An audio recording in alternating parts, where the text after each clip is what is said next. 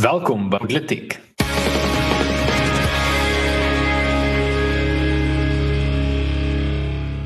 Ek is Daniel Elof en saam met my ateljee vandag is Paul Marits en in vandag se episode Kiba wat geld vra en Malema weer aangekla. Maar voor ons aanskop net 'n vinnige advertensie.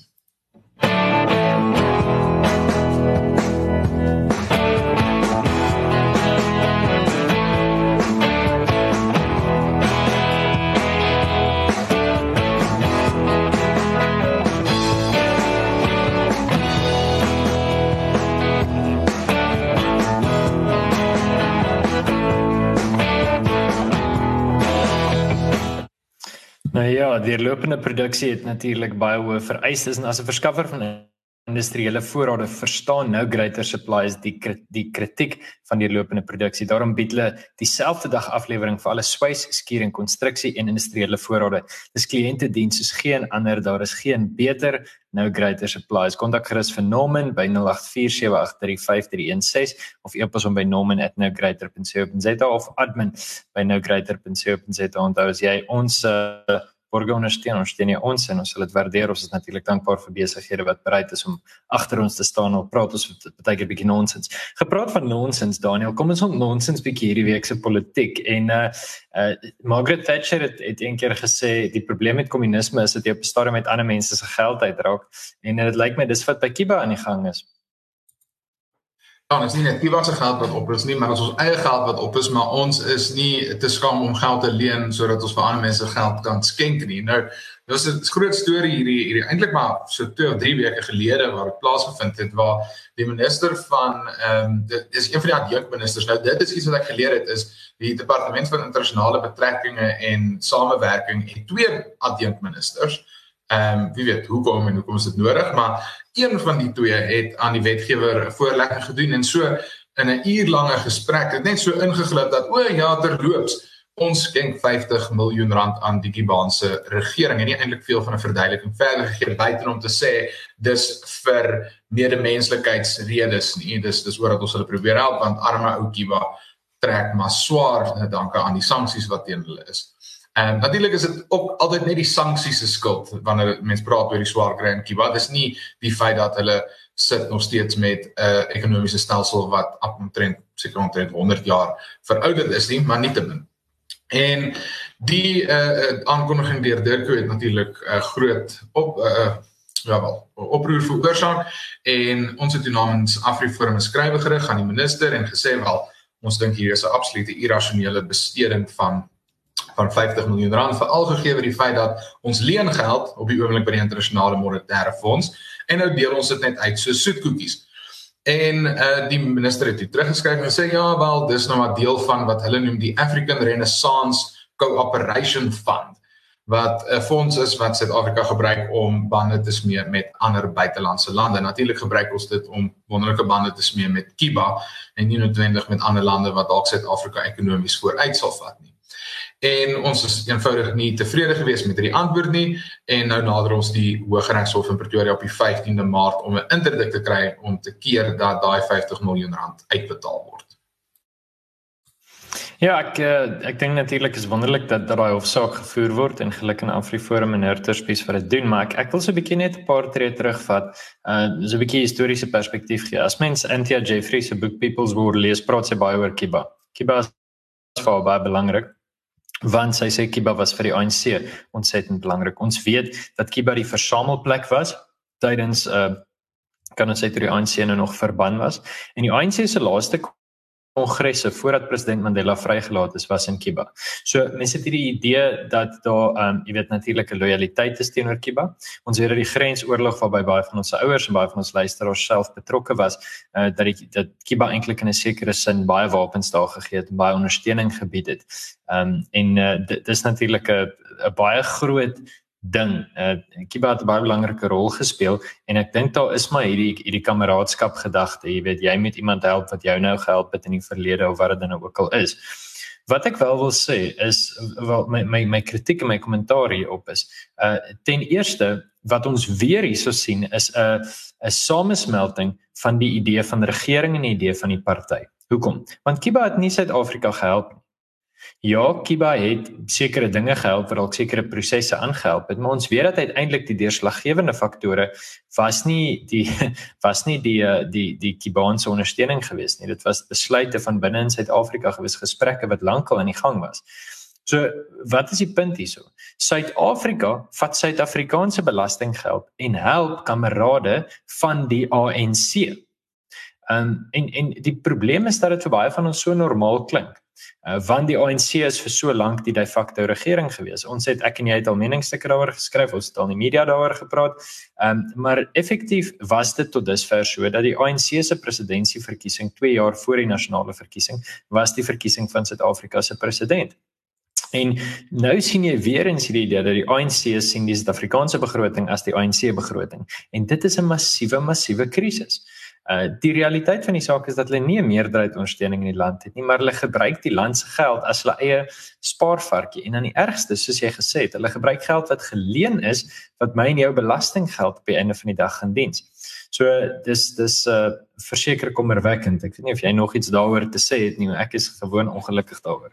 Nee, die punt is, is kom ons sê dit was nou dit was net die geld, net die 50 miljoen rand wat aan Cuba geskenk is. Dis een ding, maar dan sit ons natuurlik met die situasie dat ons het uh so verskriklik baie ander wanbesteding en korrupsie en geld wat uh, nie behoorlik gebruik word nie of eenvoudig gesteel word nie. So dis ek bedoel dis een ding om te sê wel die ANC is nou besig om eintlik maar net sy kamerade en sy ideologiese bondgenote finansiëel te ondersteun in hulle tyd van nood. Maar Suid-Afrika is in 'n tyd van nood en die nood is veroorsaak deur die ANC. Verstaan jy dis dis hierdie absurditeit waarmee ons sit. Ehm um, en en die ander ding natuurlik is ek ek het 'n hele paar mense gehoor sê wel dis net 50 miljoen rand. Dit wys vir ons hoe hoe absoluut gewoond ons geraak het aan hierdie situasie. Ek bedoel ja, dis omtrent net 'n vyfde van Kandla, maar die punt is dis 50 miljoen rand wat nie gebruik word om uh skole te bou nie. Dis nie dis 50 miljoen rand wat nie gebruik word uh om waar ons eerder 'n belastingkorting kon gekry het nie. Dis nie 50 miljoen rand wat gebruik word om nuwe krag op te wek nie dis eenvoudig net geld wat gemors word en wat na Kiba toe gestuur word uh, vir een, net eenvoudig ideologiese redes.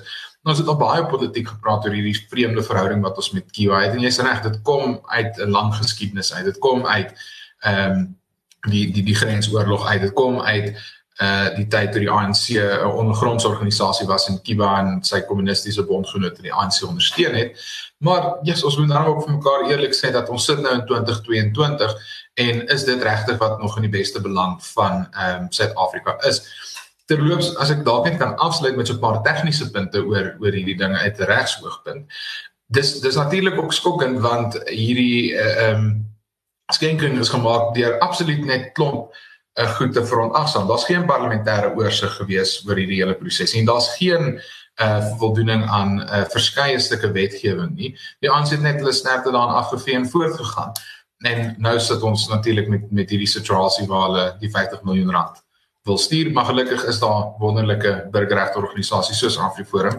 Al moet ek nou self so sê en spog oor my kliënt, maar wat hierdie goed opslaan, wat keer dat dit gebeur. Ehm um, en mens moet ongelukkig uh, is hierdie hierdie tipe beginselvaste posisie inneem. Nou, gepraat van beginselvaste posisie inneem, uh, kom ons kyk bietjie na wat is die nuutste nuus oor die Sonderkommissie wat hierdie afgelope week hulle derde verslag oor staatskaping vrygestel het. Ja, mens wil eintlik spot en sê die Sonderkommissie het omtrent dieselfde tyd as politiek begin en hulle bring nou eers hulle derde verslag uit. Ons het nou seker al 1000 stories op Marula Media geskryf op op uh, ja, donderdag. Ja, 170ste weeklikse episode al. Ek dink regtig as mense al daai stories vat wat ons geskryf het, sal dit nou al 'n interessante boek maak. Ehm um, nie dat jy weet my my uitdrukkingkies altyd snaaks is nie. Uh Daniel, ek wil so 'n bietjie agtergrond net gee oor wat met Zondo gebeur het en ek ek dink nie enig van ons is verbaas nie, maar ehm um, miskien as ek net 'n paar punte kan maak en dan sal ek bietjie lopende kommentaar lewer, miskien kan ons dit bespreek. So die die Zondo kommissie natuurlik onder adjunkregter Raymond Zondo En uh, hulle hulle bring hulle verslag so stuk vir stuk uit. Mense kan dit ook verstaan, daar moet forensiese audits uitgaan voordat daar, jy weet, uitsprake gemaak word. So klomp getuies het natuurlik net goed gesê om hulle self te beskerm of te verdedig. Dit was nie noodwendig die papierwerk waarop dit geskryf is nie en jy sal nou verstaan hoekom daai uitdrukking snaaks is. Goed, ehm um, wat hierdie derde deel gevind het is natuurlik 'n baie lang verslag wat 'n klomp goed sê. Die belangrikste daarvan is dat Gwede Montash uh, wat in hierdie stadium uh, minister minister van energie nog is as ek reg is. Ehm um, daar word aanbeveel dat hy ondersoek word vir korrupsie die oortreding van korrupsie wat hy ge, gepleeg het. En hier word spesifiek gesê dat hy ehm um, dat sy gratis of dat sy persoonlike eiendomme met gratis sekuriteitsopgraderings voorsien is. Dis iets wat ons natuurlik bekend klink, want dit is presies wat by Enkandla gebeur het. Uh Cedric Frolik uh het het blykbaar uh onregmatig opgetree met die uitdeel van tenders en dan natuurlik uit president Jacob Zuma hy word weer eens hier genoem en daar word uitdruklik gesê hierso en hier is 'n ernstige aanklag dat hy die grondwet van Suid-Afrika oortree het. Ehm um, en en die die verslag beveel aan dat hy vir uh dat hy vir kriminele vervolging oorweeg word. Goed, intussen het, het Zuma gereageer en hy het gesê dat uh dat hierdie bevindinge nie die papier werd is waarop dit geskryf is nie. Uh en ons het al verskeie goed vir verskeie ander dinge oor Bosasa gesê um en so aan. Nou ek ek, ek dink net net om konteks te skep. Ons sê hierdie met neutrale en met rustige stemme. Maar die realiteit is dit wat hier vir ons toenemend na vore kom is dat ons hierdie oligargie gehad het van eintlik maar 'n heersende mag. Jy weet ek ek dink vir myself ons lees nou hierdie week ontsettend baie oor Putin. En nou sê hulle maar Putin omring homself met 15 of 20 oligarge en dit gaan goed met hulle almal en hulle beskerm hom met ander woorde, jy weet. So dis 'n 'n lekker stelsel. Dit is my presies wat die ANC is. Dis dieselfde 30 of 40 mense wat van 1992 af in beheer is van Suid-Afrika en, en jy weet in sekere sin. Ehm um, En jy weet, dit is vir my amper asof die morele basis heeltemal onder hulle uitgelig is. Uh, ek ek het natuurlik al my my mond ordentlik uitgespoor oor kommunisme, maar ek dink jy weet ongelukkig kom dit vir my voor dat die SAK SAKP lede was amper die enigste ouens um, wat wat beginsels gehad het as dit kom by by transformasie. Ek dink aan iemand soos Joe Slovo en ek het in beginsels baie min met hom in gemeen want hy's regtig, jy weet 'n suiwer bloedrooi kommunis, maar ek dink hy het baie meer beginsels gehad waarby hy gebly het. Hier's mense wat kommunisme en struggle gebruik het en ander mense se stemme gebruik het om hulle self absoluut net te verryk en dis ontsettend kommerwekkend. Ek hoor iemand tas dink ek, jy weet hy's 'n geleerde persoon, hy kom uit 'n sterk agtergrond, baie so Cyril Ramaphosa deur die vakbonde gekom. Hy's 'n gesien 'n persoon. En hy het geweet dat al hierdie goed aan die gang is en nietemin het hy op hierdie manier gaan optree. Um wat president Jacob Zuma betref, eh, natuurlik is ons nie verbaas dat hy weer eens genoem word nie, maar my vraag is dan weer eens op watter punt gaan Suid-Afrika iets hieraan doen? Uh ek ek dink so gereeld word daar gepraat oor waterskeidingsoomblikke in Suid-Afrika. Is ons hierdie wat in Engels gesê word 'n banana republic of regtig eintlik maar 'n 'n lagwekkende staat wat wat nou net soort van jy weet met ander mense se lenings en hulp saamgeskraap word of wat deur die private sektor gered en gehelp word of is ons 'n 'n funksionele staat 'n staat wat werklik waar aan die gang kan bly en en um vorentoe kan gaan Hierdie is die vraag wat dit gaan beantwoord. Ek weet nie of Cyril Ramaphosa die politieke mag het en of hy in hierdie stadium binne die ANC die ondersteuning het wat hy nodig het om hierdie vervolgings deur te trek nie. Het hy die vermoë om die voorsitter van die ANC hof toe te vat? Het hy die vermoë om 'n voormalige president hof toe te vat? Ek dink nie so nie en en dit dit is jammer om dit te sê, maar ek dink uh ongelukkig dat dat hierdie sondekommissie gaan net baie mooi papiertjies wees en ons gaan oor 20 jaar nog steeds hieroor praat. Miskien kom daar vlugtig iets van, maar dan sit wat weer 5 weke in die tronk en dan weer uit of weer brand 'n paar winkels net omdat ons iemand wil eh, na regte vervolg. So kommerwekkend en dis jammer dat ek so pessimisties daaroor is want ek dink 3, 4 jaar terug as jy vir my gesê het daar gaan 'n amptelike kommissie wees wat hierdie goed vind, dan sou ek baie bly gewees het daaroor.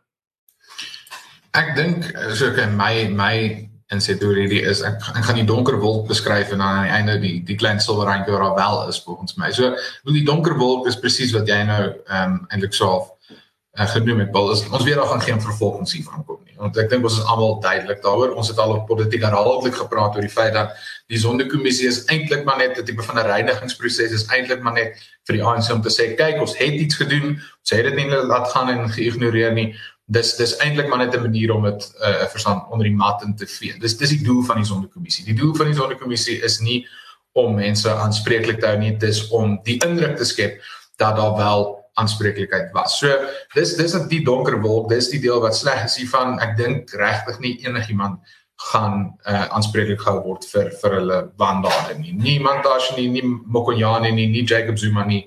Ehm um, geen mens wat geïmpliseer word by die staatskaping gaan op 'n individuele vlak aanspreeklik gehou word vir wat hulle gedoen het nie. Maar en hier kom die silwer randjie. Ek vermoed wat hierdie wel gaan doen is dit gaan tog lei tot uh die verdere verswakking van die ANC want dis die een ding wat die sondekommissie doen is dit gee klomp inhoud vir die media en so sleg wat die media mag wees, hulle dra wel hierdie stories en hulle skryf daaroor. Ehm um, en vir almal in die land om te sien wat regtig vrot is binne die ANC en dis die hele ANC. So dis die silwer randjie. Daar gaan nie noodwendig aanspreeklikheid dink ek wees op individuele vlak nie, maar ek is redelik seker dit gaan lei tot 'n tipe van 'n 'n verkiesings ehm um, aanspreeklikheid, 'n breër aanspreeklikheid van die Suid-Afrikaanse bevolking. Suid-Afrika gaan nie dit vergeet nie. Ons gaan eenvoudig nie net dit laat gaan nie. Ek dink verskeie mense gaan hierdie onthou en ons gaan dit sien in die 2024 nasionale verkiesing of ten minste ek hoop so. Maar dis dink ek die silwer randjie aan hierdie sondekommissie is dit het die platform gegee waar al hierdie verskriklike korrupsie uh, bekend wel op 'n formele manier bekend geword het en hopelik sal die Suid-Afrikaanse elektoraat nou wel daarop reageer en standpunt inneem. Ja, ek ek wil ek wil ietsie vinnig net sê oor die Suid-Afrikaanse media. Jy weet, ek ek dink ek was al um, in my lewe soos jy ook aan die ontvangkant van 'n paar dwarsklappe van die van die kan ek amper sê hoofstroom um, media af. En uit, uiteindelik is dit nie lekker nie, maar ek dink dis dit is dit is definitief 'n voordeel in Suid-Afrika om op hierdie stadium te kan sê ons het 'n gesonde ehm um, mediavryheid. Ons kan regtig waar sê as ons nie saamstem nie. Jy weet ehm um, hoeveel Europese lande wat ons sien as eerste wêreldse lande het nie daai selfde tipe vryheid nie. Hoeveel Kanadese mense het gedink hulle het spraakvryheid en net verlede week besef of twee weke terug besef hulle het nie soveel daarvan as wat hulle gedink het nie. Ehm um, ek is ek is deeglik bewus daarvan dat baie uh, nuusmedia in Suid-Afrika 'n baie bepaalde agenda het en daarmee sluit ek Suid-Afrikaanse media dikwels in. Ehm um, daar jy weet daar sal nie kritiek gelewer word teenoor Julius Malema vir van die verskriklike goed wat hy sê nie. Maar terselfdertyd moet ons ook met mekaar eerlik wees. Pieter Louw Meiburg, Afrikaans Suid-Afrikaanse joernalis, Jock Pau, Suid-Afrikaanse joernalis. Ehm um, hierdie Maverick Report of Daily Maverick Skopje Reports, ek meen daai goed is giftig. Ek dink as jy hoor jou naam is in een van daai artikels dan bewe jy. Uh so ek dink die as jy weet as ons hopelik op 'n punt sou kom dat ons 'n post-ANC wêreld kan praat, dink ek ons gaan ons gaan eerlik moet wees en sê soveel as wat hierdie media ons dikwels regtig geïrriteer het, hulle het goeie werk gedoen en ek hoop hulle met hulle bedoel ek dis dit is maar establishment dis tipies stedelike ouens wat nie altyd soveel agting en waardering het vir kultuurgroepe nie en wat amper 'n een Suid-Afrika tipe narratief deurlopend volg. Ehm um, ek ek hoop hulle het ook die weet die vermoë om veral Engelse media die vermoë om eerlik te wees oor die bydrae wat Afriforum en solidariteit en 'n en 'n politiek gespeel het in hierdie tyd jy weet om uh die gemeenskapsstem nog steeds op te hou terwyl daar daai hoofstroom stem was. So dis dis 'n interessante wisselwerking wat ek myself vind. Die feit dat ek nie kan sê ek stem altyd saam nie, maar dat ek ook kan sê ek verskil nie altyd van hierdie hoofstroom media nie, is wat my betref eintlik die perfekte balans. Ehm um, jy hoef nie vriende te wees met mekaar nie. Ons het ons vryheid, hulle het hulle vryheid en ek dink dit jy weet in in daai opsig is dit eintlik eh, is dit eintlik die die die, die regte plek om te wees. Nee, Paul beslis. Ek, ek stem 100% saam en dankie tog vir al hierdie organisasies en die mense wat dit doen en dankie tog vir die mense wat ehm um, dat ander alternatiewe media skep. Ek bedoel daar's so oomblik regtig ons is geseënd met wonderlike alternatiewe media. Mense sien dit op 'n manier ook in in die uh, in Oekraïne op die oomblik. Ek bedoel die fok nuus wat wat versprei is die afgelope 2 weke of die laaste week in Oekraïne is ook verskriklik. Ek bedoel ek ek onthou ek gelees het van die Ghost of Kiev, die die vlieënier wat blyk waar ses mense afgeskiet het en dis fok nuus gewees, dieselfde met die Snake Island storie en klomp van hierdie goed maar waar mens regtig van die eerlikste en die beste verslaggewing gekry het was mense wat op die grond was en op sosiale media byvoorbeeld verslag gegee het en ek dink dis dis wat amper die wonderlike gevolg is van ehm um, van van baie van die goed van amper die val van hoofstroom media en, en ek dink eintlik hoofstroom media is dalk die verkeerde woord. Ek dink ons moet eintlik praat van korporatiewe media. Want hoofstroom veronderstel dat hulle word nog steeds eh, die meeste gekyk, die meeste gevolg en die meeste gelees. En ek dink dit is nie die geval nie. Ons ons begin regtig sien hoe van hierdie alternatiewe media platforms meer gelees word, meer gekyk word en meer na geluister word. Ehm um, en dis dis uit die aard van die saak redelik bemoedigend vir my ehm um, om te sien. Nou ja, kom ons uh, draai dan na ons derde en fin. O, ekskuus Paulus, het jy nog 'n laaste sterkie om by te las? Ek wou net vinnig gesê het ek dink jy weet dis my iets wat Twitter gebruikers sou raak sien het is daai Defiant Ls rekening wat geblokkeer is verlede week en ek dink jy weet Babylon B en Defiant Ls en dudes posting their wins of wat ook al al daai goetertjies begin baie meer van 'n impak op ons hê um, en ek dink daar was 'n tyd vir dit wat op RSG gesê is jy weet dit wat Heinrich Marnitz gesê het of Rian Kruiwagen gesê het um, dit was amper wet dit was so net net onder wat die dominee gesê het en uh, ek is bly om te sien daai tyd is verby. Nee, dis dis net wat ek daar wou sê kom ons uh, praat 'n bietjie oor ons gunsteling Julius.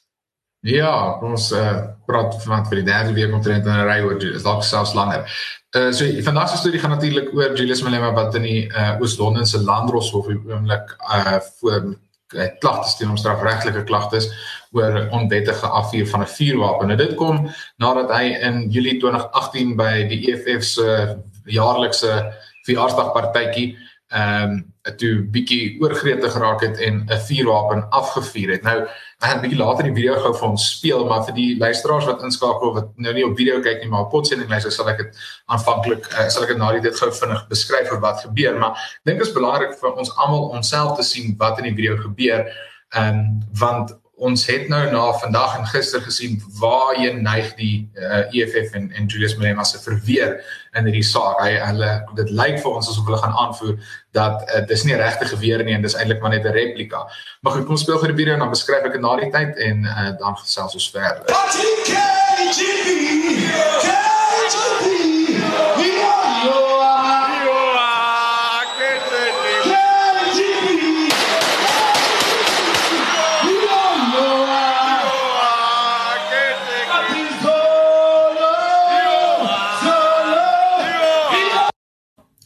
Nou wat mens daar kon sien is dat 'n uh, ene meneer Adrian Snyman die leiwag van Julius Malema uh wat lyk soos 'n akra is na meneer Malema te bring. Hy stap dan verder en dan vuur hy so 'n paar skote af. Nou daar is baie duidelik kans of kom ons sê waarneem in die video is een dat jy hoor die geweerskote, twee jy sien die vuurwapen en derdens jy jy sien so half die die die flits van die geskietery by die by die uh, voorpunt van die vuurwapen. Nou daai alles is is die punte wat die EFF aanvoer wel dit dit kan 'n replika wees. Met ander woorde dit kan blank skote wees. Dis 'n replika geweer. Dis nie noodwendig 'n ware geweer nie. Maar die een ding wat redelik moeilik is om in 'n video te verdraai is natuurlik die die recoil van mense sien by die video. So wanneer jy wanneer meneer Malema die geweer in die lug hou en hy skiet, sien jy baie duidelik hoe sy arm aftrek met elke liewe skoot. En ons sal sien hoe hulle ehm um, dit probeer wegverduidelik en wat hulle daaroor te sê het.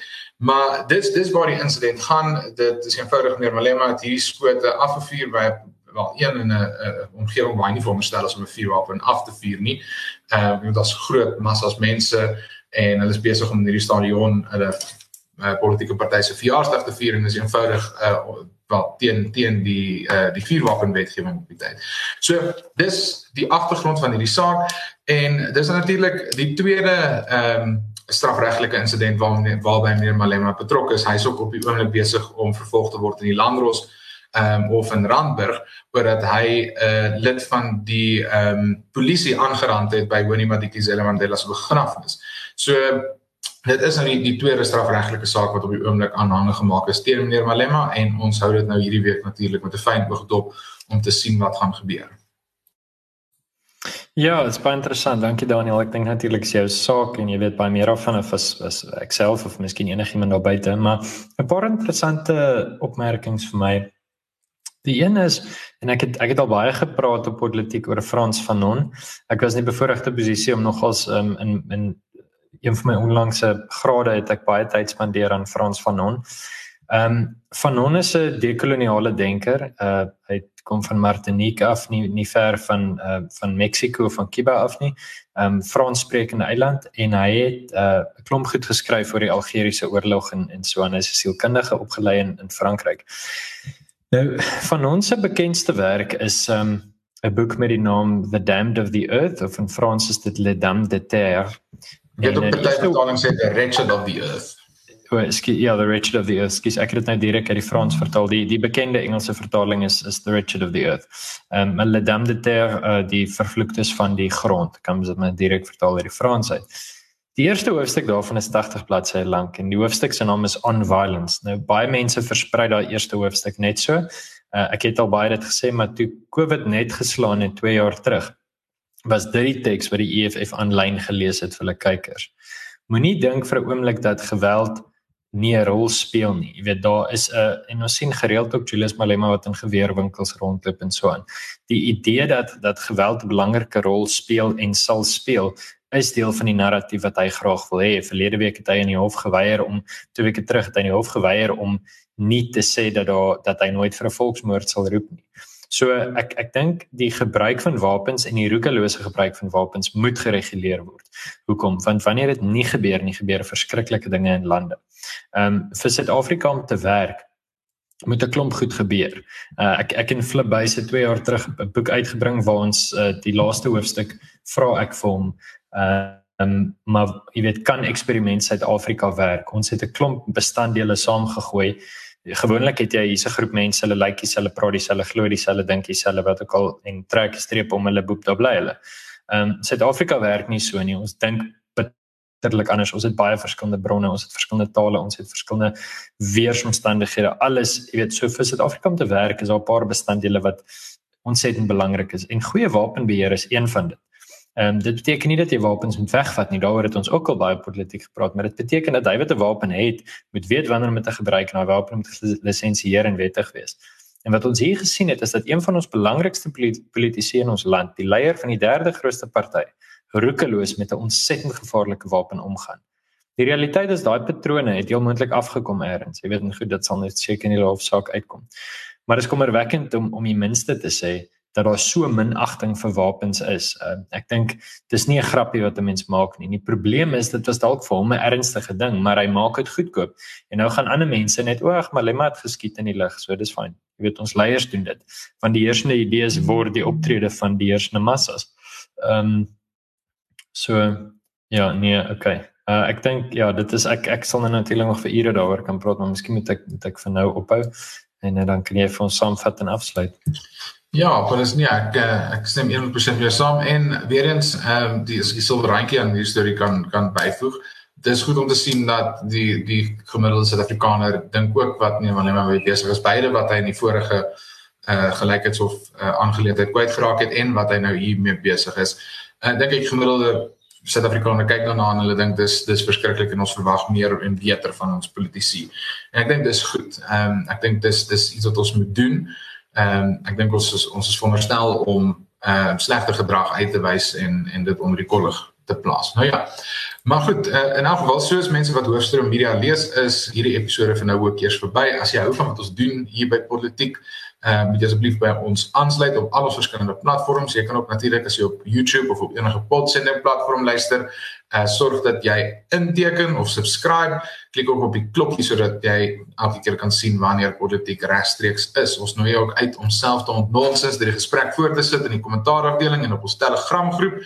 En natuurlik as jy vir politiek wil ondersteun, ondersteun gerus ons wonderlike borgers en jy kan ook ons Patreon blad besoek indien jy bereid is om ons daar te ondersteun om te sorg dat ons elke week vir jou die drie grootste nuus stories van die week kan ontnons. En jy is ook natuurlik uh dit staan jou vry om vir ons resensie te los met jou klagtes en gedagtes, maar soos wat Paul altyd uitwys, ons verkies die gedagtes deel meer. Nou ja, tot volgende keer dan sien ons julle weer.